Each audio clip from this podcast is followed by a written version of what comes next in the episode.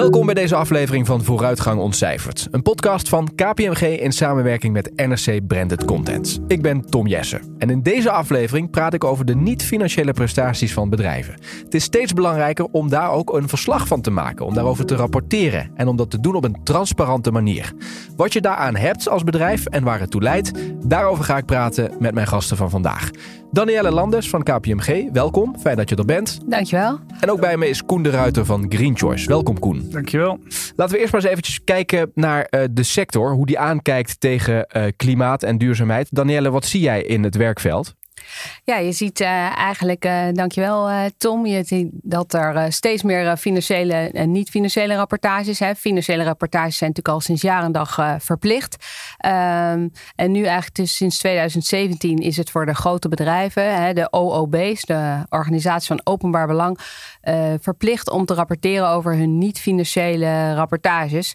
Um, maar je ziet ook dat, dat in 2023 dit verplicht wordt voor alle grote bedrijven. Precies. Laten we eventjes uitleggen wat niet-financiële prestaties is. Want ja, daar kun je natuurlijk ontzettend veel onderscharen. Waar, waar hebben we het dan over? Ja, je noemde het natuurlijk al duurzaamheid. En dan denken mensen vaak al meteen aan klimaat. Maar het gaat natuurlijk veel verder dan dat. Klimaat, het is niet alleen klimaat. Het gaat, het gaat natuurlijk ook over, over afval, over water, over energie. Maar ook over sociale aspecten. Zoals diversiteit, ziekteverzuim, welzijn, uh, gezondheid van mensen. En allemaal dat soort zaken die, uh, die steeds belangrijker worden voor bedrijven. Exact. Dus je hebt straks, een, hè, zeker vanaf 2023, heb je dus een rapport over de financiële situatie. Maar ook over al die zaken die jij net noemt. En dat wordt dan eigenlijk gebundeld in een soort van rapportage, zodat je kunt zien hoe het bedrijf er in de volle breedte voor staat. Ja, ja. Zo had je traditioneel eigenlijk hè, op basis van de boekhouding financiële rapportages, zie je nu dat dat eigenlijk geïntegreerd wordt met niet-financiële rapportages. Dus je krijgt eigenlijk één. Ja. Uh, Koen zal er zo waarschijnlijk ongetwijfeld wat meer over vertellen hoe dat uh, bij Green Joe's is gegaan. Maar je ziet eigenlijk dat uh, het, de, deze rapportages steeds meer geïntegreerd worden. Ja, waarom is dat eigenlijk? Waarom is dat belangrijk dat we ook dat andere component dan dat financiële component weten? Uh, eigenlijk uh, hebben we daar, uh, hebben daar als KPMG op een gegeven moment onderzoek naar gedaan. Dat je ziet dat de waarde van ondernemingen bestond eigenlijk voor 80% uit de financiële waarde. Maar over de jaren is dat, is dat eigenlijk omgeslagen. Dat nu eigenlijk 80% van de waarde van onderneming op niet-financiële onderwerpen belangrijk is geworden. Hm. Het is natuurlijk heel raar eigenlijk. Als je hierover, ik zat net over na te denken toen, toen je dat vertelde een jaarverslag moet natuurlijk een, beeld geven van hoe een onderneming ervoor staat. Het is natuurlijk eigenlijk van de zotte dat het altijd alleen maar over financiële zaken ging. Ja, wat, bedoel, wat kan je daar nou uithalen? Je kunt het ratio zien. Maar of jij klaar bent voor de toekomst en of je heel, heel vatbaar bent voor allerlei risico's om je heen. Ja, dat komt eigenlijk uit het verhaal eromheen. En volgens mij wat er nieuw is, is dat, dat, dat, dat de laatste tijd... Dus je wilde graag bijvoorbeeld al weten, hoe was de klanttevredenheid? Dat soort dingen stonden vaak wel ook in een jaarverslag. En volgens mij, wat de laatste tijd erbij is gekomen, is dat de hele maatschappij is gaan zien van ja, maar de, er zijn gewoon bepaalde thema's, die moeten we met z'n allen gaan oplossen. Dus als je daar niet goed op voorbereid bent, dan, uh, dan gaat het niet goed met jouw bedrijf. Neem ons ons mee in het verhaal van Green Choice. Want jullie zijn eigenlijk opgericht hè, om ja. een betere wereld met, zo, met ons ja, allen te creëren. Dat klopt. Een jaar of twintig geleden hebben we dat uh, gedaan. We waren, um, ik denk, het, het eerste echt, echt groene energiebedrijf in, uh, in Nederland. Dus waar klanten konden kiezen om groene stromen af te nemen. Dus uh, uitsluitend van uh, wind. We hebben trouwens, we hadden toen ook nog wel wat kleine waterkrachtcentrales in Frankrijk zelf weer opgelapt en zo helemaal in het begin. Uh, na, een jaar, na een aantal jaren is daar ook um, gas bij gekomen dat wij compenseren. Dus waar we, waar voor zorgen dat de CO2 gecompenseerd wordt. En dat is altijd de, de, de insteek geweest. Dus wij wilden bijdragen aan een betere wereld. En dan zie je natuurlijk in het begin dat je daar klanten mee trekt die dat ook willen. dus die intrinsiek gemotiveerd zijn. We noemen dat vaak de donkergroene klanten. Nou, dat is fantastisch om zulke klanten achter je te hebben natuurlijk. Die met jou in het begin die eerste stappen zetten op dat natuurlijk heel moeilijke uh, tijdperk tussen al die grote bedrijven. Nou, wat wij zien in de loop der jaren is dat we nu uh, dat, dat onze klantenbasis ook enorm is uitgebreid. We zijn natuurlijk ook gewoon gegroeid en die donkergroene groep die is niet overal. Maar dat heeft natuurlijk te maken met wat er in de maatschappij aan het gebeuren is. Dus er zijn steeds meer mensen die ook vinden dat ze een stap moeten zetten. En we zien zelfs mensen nu die nog helemaal niet eigenlijk zo intrinsiek gemotiveerd zijn van ja, ik wil aan een betere wereld bijdragen.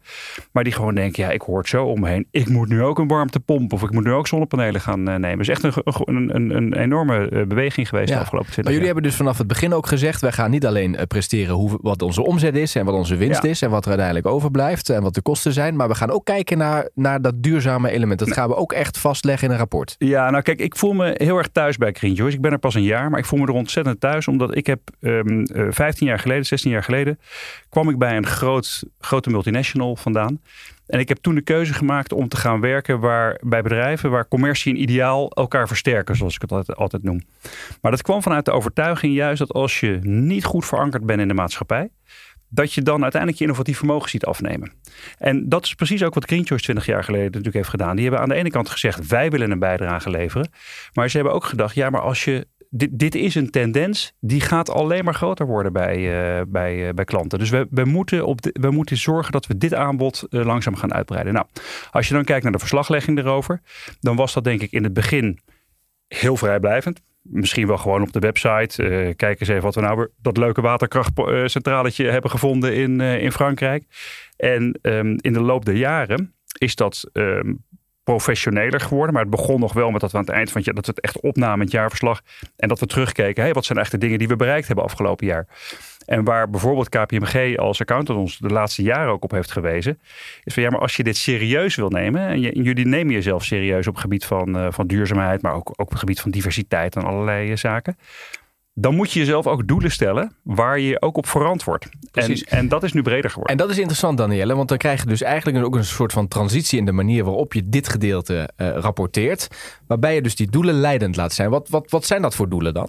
Ja, dat is wel uh, grappig om te zien. Hè, dat je twee, eigenlijk twee soorten bedrijven hebt. Hè. De een zo à la, à la Green Choice. Hè, die zeggen van nou, wij, wij komen echt uh, hè, vanuit een groene gedachte. En niet alleen groen qua klimaat, maar ook om, hè, hoe we met onze medewerkers omgaan. En dat steeds duidelijker rapporteren. Uh, maar je ziet natuurlijk ook bedrijven die zeggen van nou, hè, zo, zoals je ook aangeeft, ja, wij kunnen eigenlijk niet meer anders. Uh, en dat waren bedrijven waar we vroeger misschien met de sustainability manager spraken, die ergens in een bedrijf een mooi project aan het doen was. En nu zie je dat we eigenlijk met de CEO's en de CFO's, hè, dus oftewel de directeur en de financieel directeur aan tafel zeggen, die, zitten. En die zeggen van dit is zo ongelooflijk belangrijk voor ons hoe gaan we dit aanpakken? Hè? Dus, dus echt een zakelijke manier zien om dit, uh, om dit beter te gaan rapporteren. En daar natuurlijk uiteindelijk dan ook zekerheid en verklaring van een accountant bij te krijgen. Om te zeggen van dit is niet alleen een mooi marketingverhaal. Nee, dit gaan we echt doen. En je vroeg ook nog even om de, om de doelen die daarover ja, gesteld zijn. Die stip op de horizon. Ja, hè, want aan de ene kant is het natuurlijk mooi om te rapporteren wat doen we vandaag, hè, of wat deden we gisteren, misschien zelfs wel. Maar met name gaat het natuurlijk om, hè, er zijn niet voor niks allerlei klimaatakkoorden afgesproken. Um, en allerlei andere doelen op misschien uh, diversiteit, hè, 30% vrouwen in de top. Nou, dat zijn natuurlijk doelen die je dan ook stelt in jouw rapportage. En waarin, waar, waar, waar wij ook van gaan kijken: van ga je deze doelen ook halen? Ja. Als, jij, als, jij, als jij daar uh, niet alleen zegt wat doen we vandaag, nee, wat doen we morgen, ja. overmorgen. En, wat, en lukt het ons om in 2050 net zero, hè, dat hoor je mm. natuurlijk overal, lukt het ons om in 2050 te zorgen dat, er, dat, er, uh, dat onze CO2-uitstoot of alle broeikasgassen op dat moment 0% zijn? Ja, het leuke natuurlijk wat, je, wat jij zegt van, en dat gaan wij dan ook controleren. Het aardige is natuurlijk voor ons, ja, dan moet je dus ook een plan hebben. Want ja. wij gaan natuurlijk niet zitten wachten tot 2030 en dan eens kijken, nou, is, zou het gelukt zijn? Dus je, je moet je plannen ook veel gedetailleerder daardoor uh, maken. Maar wat bedoel je daarmee? Nou, dat je bijvoorbeeld, wij zijn nu, uh, we zijn zelf natuurlijk ook bezig met een um, uh, reductieprogramma. We hebben al een zeer beperkte uitstoot zelf als, uh, als bedrijf. Maar dat willen we nog verder terugdringen. Um, nou, ik denk dat je, dat je een jaar of tien geleden dat veel meer als een soort idee zou lanceren of zo. Ja. En nu zeg je, ja, maar luister eens even, als we over twee jaar nog weer 40% eraf willen, dan moeten we wel onderbouwd hebben. Okay, fundamenteel. Kunnen, kunnen we dat ook bereiken? Dan moeten we dat met dit en dit en dit doen. Of die laatste 10% weten we nog niet, maar die gaan we, hè, die gaan we invullen het komend half jaar. Dus je gaat het wel veel. Um, ja, eigenlijk veel, veel uh, structureler uh, bekijken. Ja, en, en Koen, het gaat natuurlijk dan niet alleen om jou. Hè? Het gaat natuurlijk om jouw hele keten. Hè? Dus het gaat natuurlijk ook om wie ja. zijn jouw leveranciers, ja. wie zijn je klanten. Hè? Je krijgt dus je moet in gesprek speelveld. gaan. Ja. Je moet in gesprek gaan. En wat nog wel, kijk, wat, wat natuurlijk wel zo is, je, je zult hier ergens ook een selectie moeten maken. Want we hebben het nu uh, tussen de regels door gaat het heel erg over CO2, want dat is op dit moment heel erg van belang. Maar jij zei het eigenlijk al, het, gaat ook, het, is ook breder, het gaat ook over diversiteit, het gaat over van alles. Hè? Dus je moet, um, wat wij hier doen, want anders kan je, je kan natuurlijk op honderd dingen gaan rapporteren en dat, dat, je moet hier ook een focus in aanbrengen. Dus wat wij bijvoorbeeld doen nu is, uh, we zijn toevallig nu net mee bezig, we hebben een nieuwe strategie uh, ontwikkeld. En um, dat het platform voor klimaatpositiviteit, nou dat zegt al een beetje wat we willen bereiken bij ons en bij onze klanten. Maar we zijn daaromheen nu een materialiteitsanalyse aan het doen met allemaal stakeholders om ons heen. Dus uh, klanten, maar ook uh, commissarissen, uh, aandeelhouders, mogelijke investeerders om ons heen. En de banken bijvoorbeeld, die, die moeten jou kunnen, kunnen financieren. En dan vragen we ook wat zij nou vanuit hun perspectief voor ons van belang vinden om ons op te, te richten. En zo kom je uit die materialiteitsanalyse die begint met wel honderd dingen. Uh, kom je uiteindelijk op, nou, dit zijn de tien meest materiële, de, degene die het meeste impact op jou hebben. En daar ga je dan plannen op maken en die ga je dan ook, daar ga je ook op rapporteren. Oké, dus dat is een soort van handvat wat je kunt gebruiken om die doelen te be, uh, ja. bestempelen. Ja, en dat doe je dus niet zelf. Nee, dat, laat je dus door je omgeving ja. mee bepalen. Maar wat komt er dan nog uit naast? Ik kan me voorstellen dat inclusiviteit vindt iedereen ja, belangrijk. Zeker, zeker. duurzaamheid vindt iedereen belangrijk. Cybercrime valt er ook onder, denk ik, toch? ja, ongetwijfeld. Dat soort dingen zitten er. Ja, bij ons zit natuurlijk toch ook een, ook een hoop CO2-doelen in. Hè, van de, dat, vinden, dat vinden mensen in onze sector natuurlijk heel erg van belang. Ik weet het niet, we zitten nu midden in de... Okay. Uh, ik, ik denk over, je zegt uh, inclusiviteit. Dat is wel aardig, inclusiviteit en diversiteit. Wij hadden nog de oude materialiteitsanalyse van, ik denk, drie, vier jaar geleden. En uh, daar rapporteerden we nu ook op hè, in ons jaar, jaarverslag. En daar was toen diversiteit en inclusiviteit was duidelijk nog minder belangrijk dan op dit moment wordt gepercipieerd. Ja. En toen zei de Raad van Commissaris ook inderdaad, klopt dat wel? Want volgens mij staat het helemaal niet op de goede plek. En dat zien we dus nu inderdaad ook dat dat een stuk meer naar boven komt. In elke aflevering vragen wij ook aan Nederlanders wat zij belangrijk vinden rond deze thema's. Uh, heel bekend is, denk ik, van een paar jaar geleden alweer het jaar Verslag van Tony Chocoloni. Denk ik dat jullie dat alle twee kennen. Zeker. Waarin zij dus ook lieten zien van hè, dit doen wij. Uh, onder andere aan een duurzamere wereld, maar ook andere uh, zaken. Ik ben in ieder geval het land ingegaan om aan Nederlanders te vragen: wat vind je nou belangrijk dat bedrijven moeten laten zien in dit soort rapportages. Laten we even luisteren. Ik ben wel benieuwd wat jij vindt dat bedrijven uh, kunnen of moeten doen uh, voor een betere wereld. Nou, um, het eerste waar ik aan denk, en dat is echt heel praktisch en misschien ook wel heel klein, is, en dat doet ons bedrijf dan ook, is beginnen met meer plant-based en meer vegetarisch lunch aan te bieden. Um, ik snap best dat mensen niet meteen helemaal vegetarisch willen gaan. Maar als je dat als bedrijf op in ieder geval de lunchvloer aanbiedt, dan heb je in ieder geval één maaltijd per dag waar mensen minder vlees uh, kunnen eten eigenlijk. Je hebt hartstikke veel um, mogelijkheden en alternatieven tegenwoordig. Dus dat is al een eerste hele makkelijke stap die je als bedrijf kan nemen om in ieder geval de werk onder de cultuur ook te krijgen dat duurzaamheid belangrijk is. En dan zijn er waarschijnlijk nog tig andere oplossingen. Maar dit is even een hele, hele makkelijke, praktische stap. En werkt het ook? Zie je dat het effect heeft? Uh, nou, ik ben zelf vegetarisch, dus dat is makkelijk gezegd. Maar ik, uh, ja, nee, niemand eet vlees, want er is geen vlees op kantoor. Dus dan is dat heel makkelijk. Dat, dat is dan zo opgelost. Ik denk dat het ook dat het begint met de bedrijfscultuur.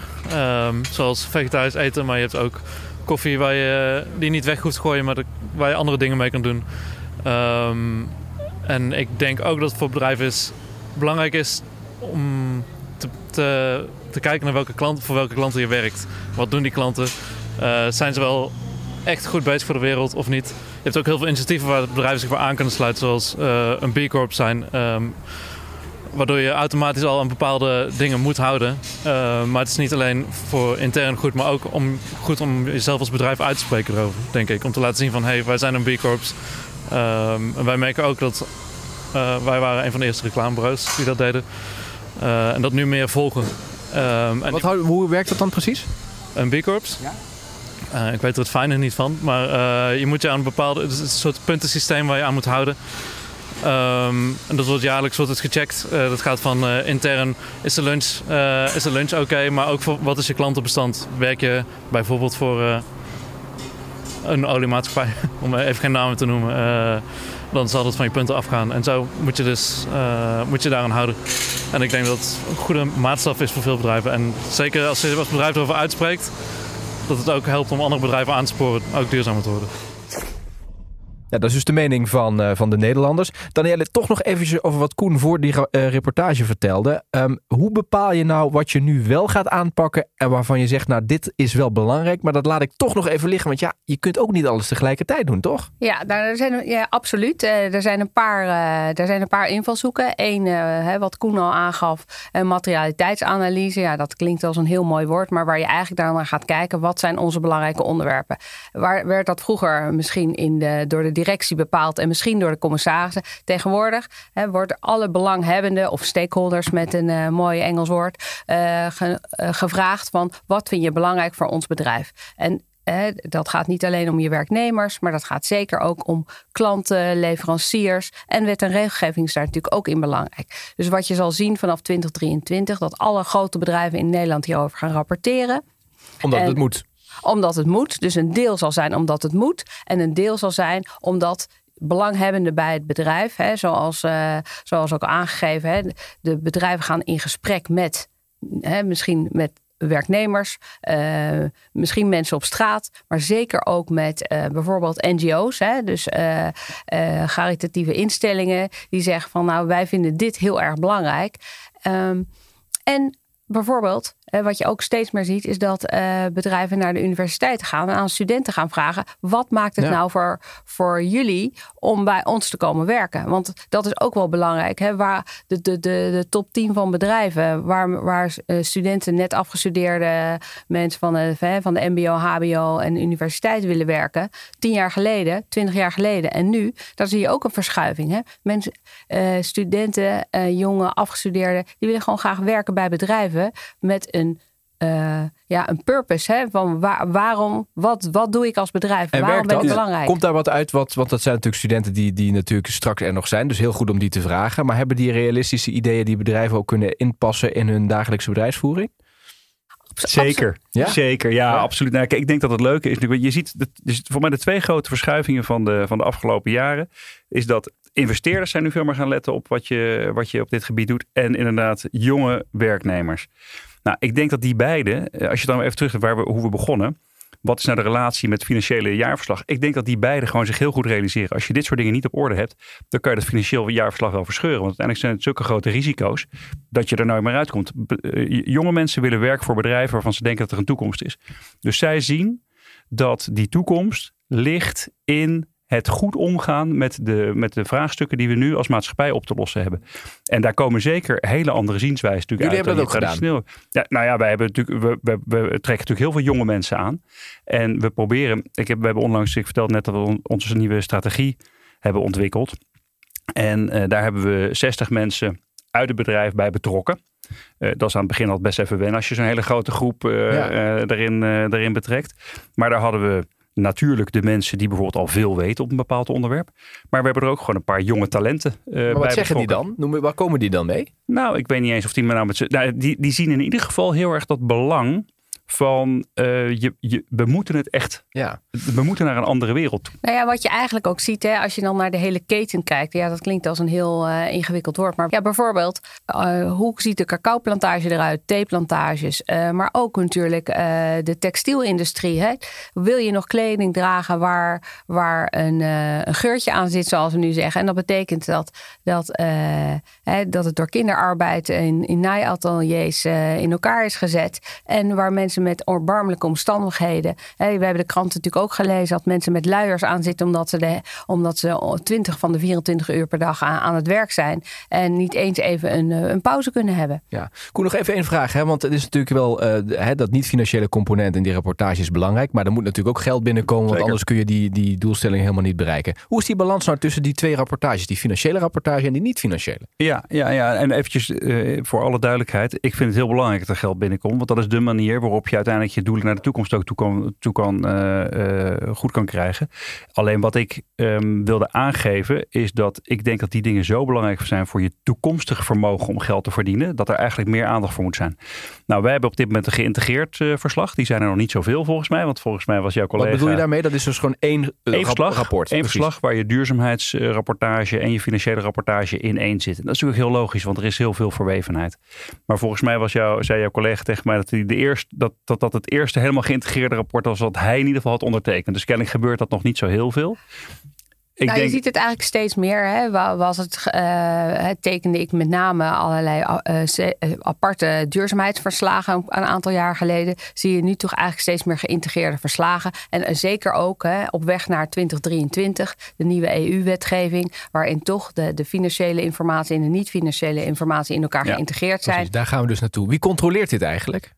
Ja, daar, het voorstel wat voor ligt bij de EU is dat dat de accountant gaat doen in eerste instantie is dat, wordt dat een beoordeling, een review van, uh, van deze informatie. de, de, de, de, de standaarden voor financiële rapportage zijn ook niet over één nacht ijs uh, bedacht. dat heeft ook jaren geduurd. En um, die worden nu echt gecontroleerd. En bij duurzaamheidsrapportage of niet-financiële informatie zal je toch meer moeten denken aan een uh, beoordeling van, van dit soort informatie in eerste instantie. En daar is in afgesproken in 2026 gaat de EU dit herbeoordelen. En dan wil dat, wil dat eigenlijk naar hetzelfde niveau trekken als, ja. uh, als financiële rapportage. Maar eventjes de accountant. Ja. Kan die iets zinnigs zeggen over bijvoorbeeld cybercrime in zo'n niet-financiële rapportage? Heeft hij daar verstand van?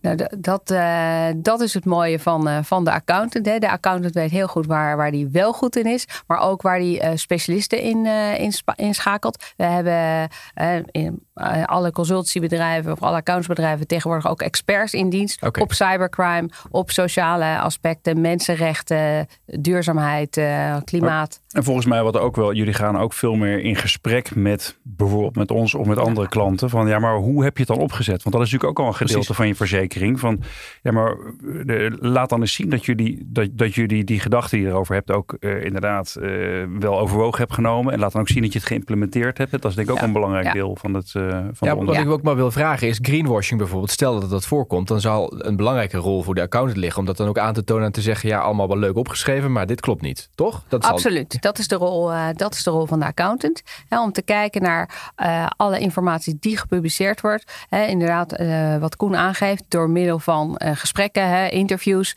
met verschillende mensen in het bedrijf. Om te kijken van hoe hebben jullie dit nou opgesteld? Hoe nou, wij noemen dat dan robuust, is deze informatie. En ook met bewijzen te komen dat, dat dit ook echt gerapporteerd wordt. Hè? Dus uh, je, je, gaf bijvoorbeeld aan in jullie voorbeeld van uh, een deel is dat we onze eh, CO2-uitstoot beperken doordat we uh, naar windmolens of zonne-energie uh, gaan. Aan de andere kant heb je natuurlijk ook het afkopen door middel van certificaten op CO2.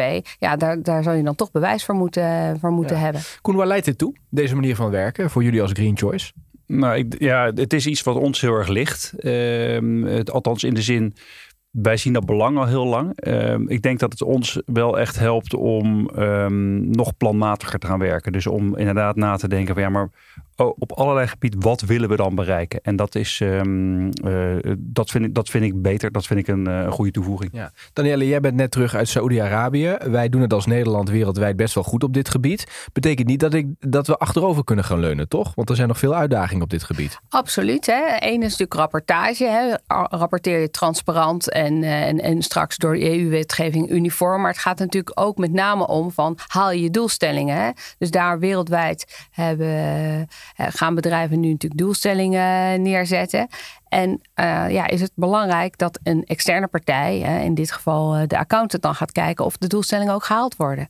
Mm. Wat zou je, um, want als we dit verhaal natuurlijk horen, zitten daar heel veel elementen in. Het is ook een, een, een stapmatig of een planmatige ja. aanpak. Wat zou je luisteraars willen meegeven om in het achterhoofd te houden als het om dit onderwerp gaat?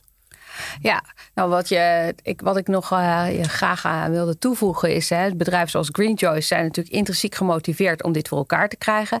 Uh, ik ben natuurlijk ook blij te horen dat je zegt dat dat niet alleen is om onze intrinsieke motivatie... maar zeker ook uit een zakelijke overweging. Nou, dat zie je nu ook bedrijven die misschien in eerste instantie minder intrinsiek gemotiveerd zijn... maar uit een zakelijk belang nu ook zeggen... dit is gewoon ongelooflijk belangrijk. Hier, je je kunt hier niet meer uh, onderuit. dus ook bedrijven, daarom zei ik ook, he, ik zit nu tegenwoordig vaak met de directeur en de financieel directeur om de tafel, die zeggen van ons businessmodel gaan we, gaan we aanpassen aan, aan deze nieuwe zakelijkheid, zou je het eigenlijk kunnen noemen. we, we, kunnen ons niet meer uh, verdedigen of we kunnen het niet meer verantwoorden om, om deze vooruitgang niet te onderschrijven.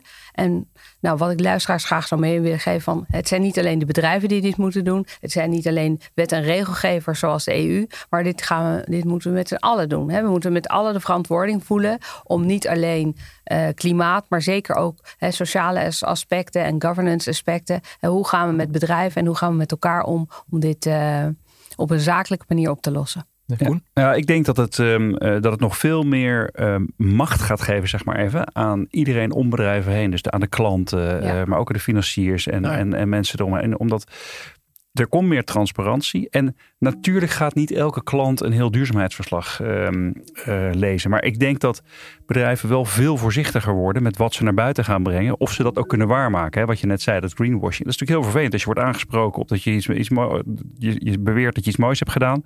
En vervolgens blijkt dat niet zo te zijn. Nou, ik denk dat je dat qua reputatie drie keer harder achteruit gooit dan wanneer je het überhaupt niet had gemeld.